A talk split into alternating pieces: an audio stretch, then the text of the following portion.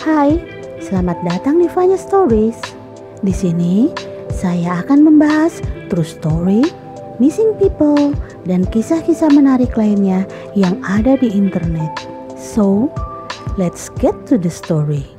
Jane Oliver lahir pada 8 Desember 1959 di Johnstown. Dia putri dari Joseph dan Marine Bittman. Dia digambarkan sebagai wanita yang sangat manis, baik, dan selalu berusaha untuk membantu siapa pun yang membutuhkan, termasuk orang asing. Jadi dia memutuskan untuk mengejar karir di bidang medis. Dia menjadi teknisi X-ray. Dia menikah dengan Ernest Oliver Jr. yang lahir tanggal 23 April 1960. Ernest memiliki perusahaan angkutan truk di Pennsylvania dan keduanya menikah tahun 80-an. Mereka memiliki dua anak, Elizabeth atau Lizzie berusia 15 tahun dan Victoria atau Vicky berusia 20 tahun. Vicky bertunangan dengan Jeff Martin dan mereka memiliki seorang putri berusia 9 bulan bernama Madison. Pada Desember 2002, Jane dan Ernest berpisah setelah lebih dari 20 tahun bersama. Jane sangat terguncang. Jadi Vicky memutuskan untuk tinggal bersama ibunya dan saudara perempuannya Lizzie di Middletown di Pennsylvania. Sedangkan Ernest pindah kembali dengan orang tuanya dan saudara laki-lakinya yang berusia 28 tahun, berjarak sekitar 170 km dari tengah kota di tempat yang disebut Santo Benedictus. Jane dan kedua putrinya sangat dekat. Mereka menghabiskan waktu sebanyak yang mereka bisa bersama-sama mencoba untuk membantu, menghibur, dan menyembuhkan satu sama lain. Putri Vicky, Madison, benar-benar membantu Jane keluar.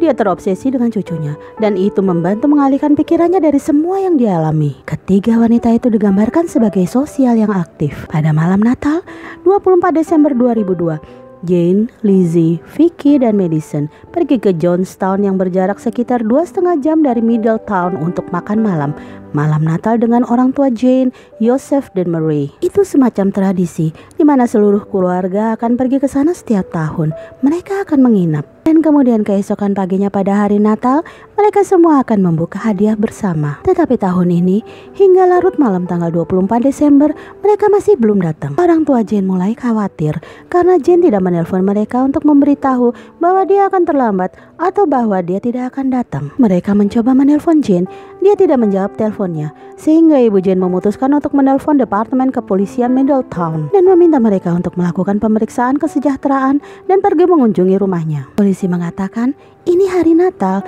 mungkin mereka terjebak kemacetan lalu lintas atau apa pun, mereka pasti datang. Tapi sampai hari Natal tiba, Jane dan putrinya masih belum ada. Jadi Mary menelpon polisi Middleton lagi dan dia berkata, Tolong, bisakah kamu pergi dan melakukan pemeriksaan kesejahteraan pada putriku di rumahnya di blok 800 Jalan Serikat Utara. Jadi pada pukul 7, Sergeant Robert Gilbert dari Departemen Kepolisian Middleton mulai bekerja. Ketika dia berhenti di rumah Jane, dia tidak segera melihat sesuatu yang mencurigakan atau sesuatu yang tidak biasa. Dia mengetuk pintu, memencet bel, tetapi tidak ada yang menjawab. Jadi dia kemudian pergi ke belakang rumah, di mana dia melihat bahwa salah satu jendela pintu garasi rusak. Ia juga memperhatikan bahwa mobil keluarga masih di sana. Dia kemudian mengetuk pintu garasi, dan pintu itu terbuka itu tidak terkunci. Dia mengumumkan dirinya sendiri, dan sekali lagi tidak ada yang menjawab.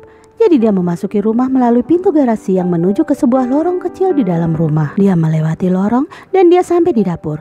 Dan saat itulah dia menemukan tubuh Jane Oliver tergeletak di tanah di genangan darahnya sendiri. Jane dingin saat disentuh dan dia sudah mati bahkan sebelum Gilbert tiba di rumah. Jadi Gilbert segera memanggil bantuan. Dia dan petugas lainnya membersihkan rumah dan mengamankan tempat kejadian sebelum detektif pembunuhan dan unit TKP tiba. Saat mereka membersihkan lantai pertama, mereka mendengar tangisan bayi dari lantai atas. Segera mereka menuju ke atas dengan senjata terhunus karena mereka tidak tahu apakah pembunuhnya masih ada di sana. Itulah mengapa mereka membersihkan rumah. Ketika mereka naik ke atas, mereka menemukan tubuh Vicky Hulifa terbaring mati di tanah di genangan darahnya sendiri di luar kamar adiknya Lizzie. Dia menggendong bayi Madison dalam pelukannya. Saat petugas Gilbert terus mencari di lantai atas, petugas lainnya membawa bayi Madison ke bawah untuk menunggu ambulans untuk memastikan bahwa dia baik-baik saja. Ketika ambulans tiba, mereka menemukan bahwa bayi itu sudah berada di sana selama 30 jam dalam pelukan ibunya yang sudah meninggal. Untungnya, meskipun dia baik-baik saja, dia hanya sedikit dehidrasi, tetapi dia baik-baik saja dan dia sembuh total. Gilbert melihat sekeliling lantai atas dan dia masuk ke ruang tempat Vicky berada di luar kamar Lizzie. Dia melihat Lizzie terbaring mati di tempat tidur dalam genangan darahnya sendiri. Ketiga wanita itu telah ditembak dengan satu tembakan dari senjata kaliber 22 Jane telah ditembak di kepala. Setiap hari, pada jam 4 pagi, Jane akan berada di dapur membuat kopi dan sarapan untuk dirinya sendiri. Jadi polisi berteori bahwa pembunuhnya masuk dan menembaknya dengan satu tembakan di kepala untuk membunuhnya. Vicky juga ditembak sekali di kepala.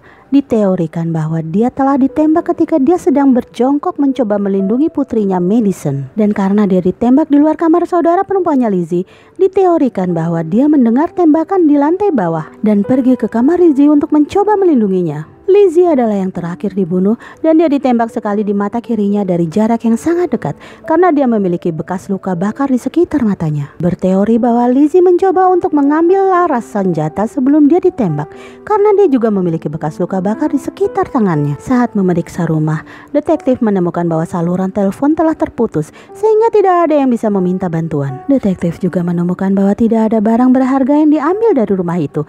Ini sepertinya serangan yang sangat terarah pada wanita wanita itu. Polisi segera mencari tersangka.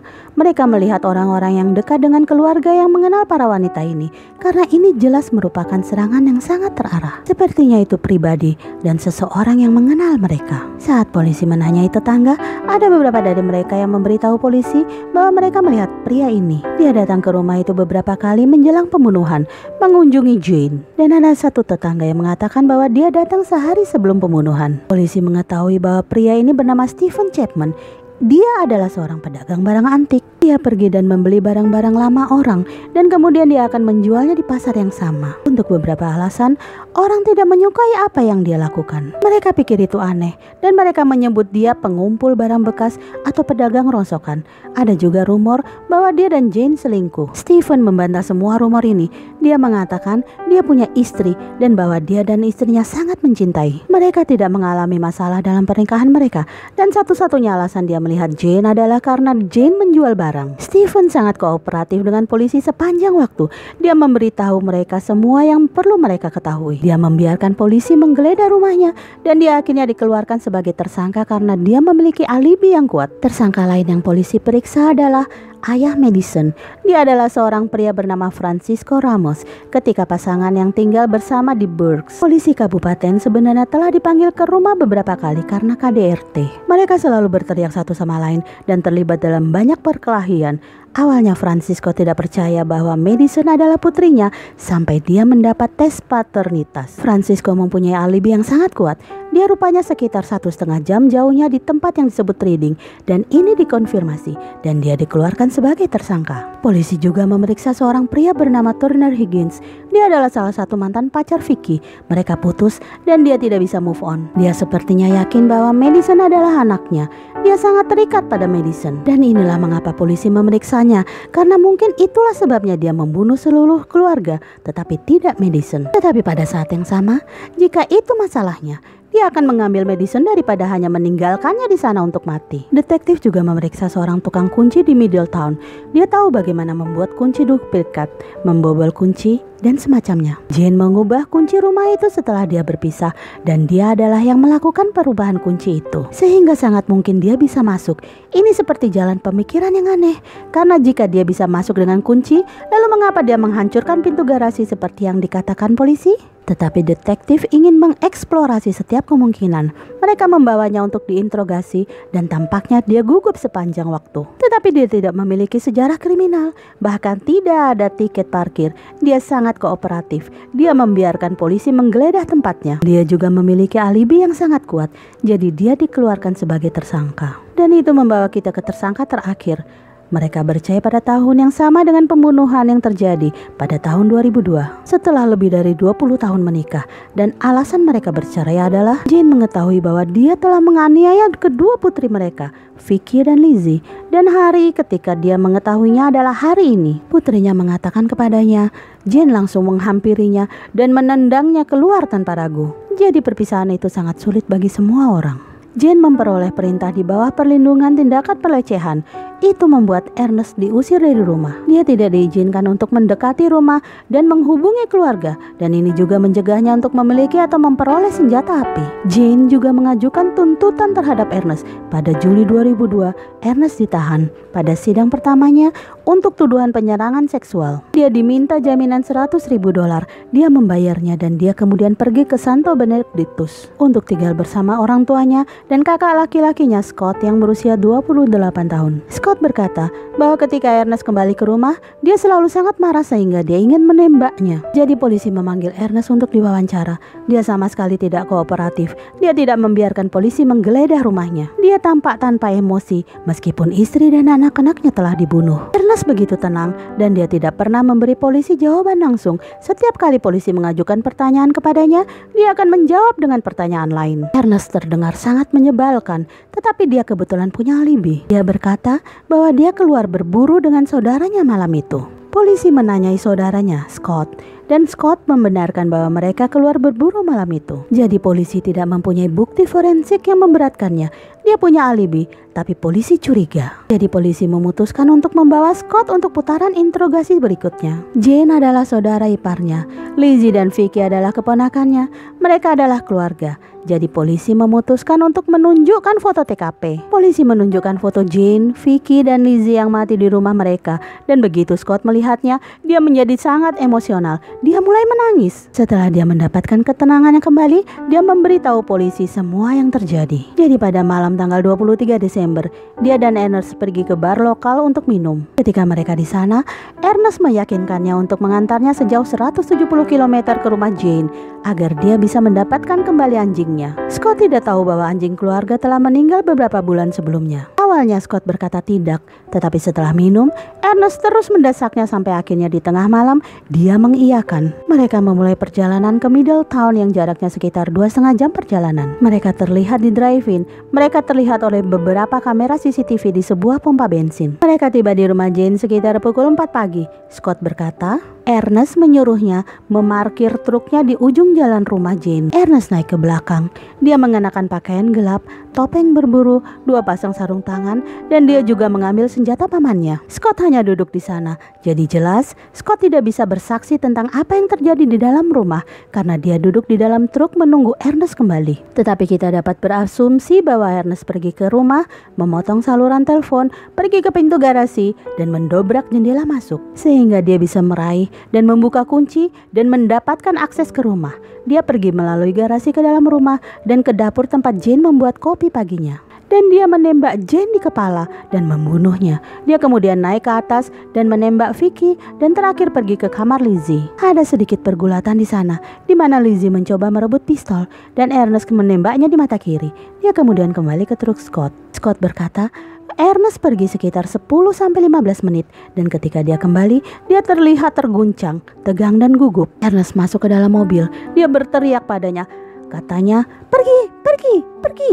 Dan Scott membawa truknya pergi. Mereka mulai berkendara selama dua setengah jam perjalanan kembali ke Santo Benedictus. Dalam perjalanan, Ernest berhenti di daerah berhutan di daerah Clearfield. Ernest keluar dari mobil dan mulai menyingkirkan semua bukti. Dia menyingkirkan senjata, pakaian, topeng ski, dan sarung tangan. Kemudian dia kembali ke mobil. Ernest berkata kepada Scott, jika ada yang bertanya apa yang kita lakukan, beritahu mereka bahwa kita berburu. Scott memberitahu polisi tentang semua ini.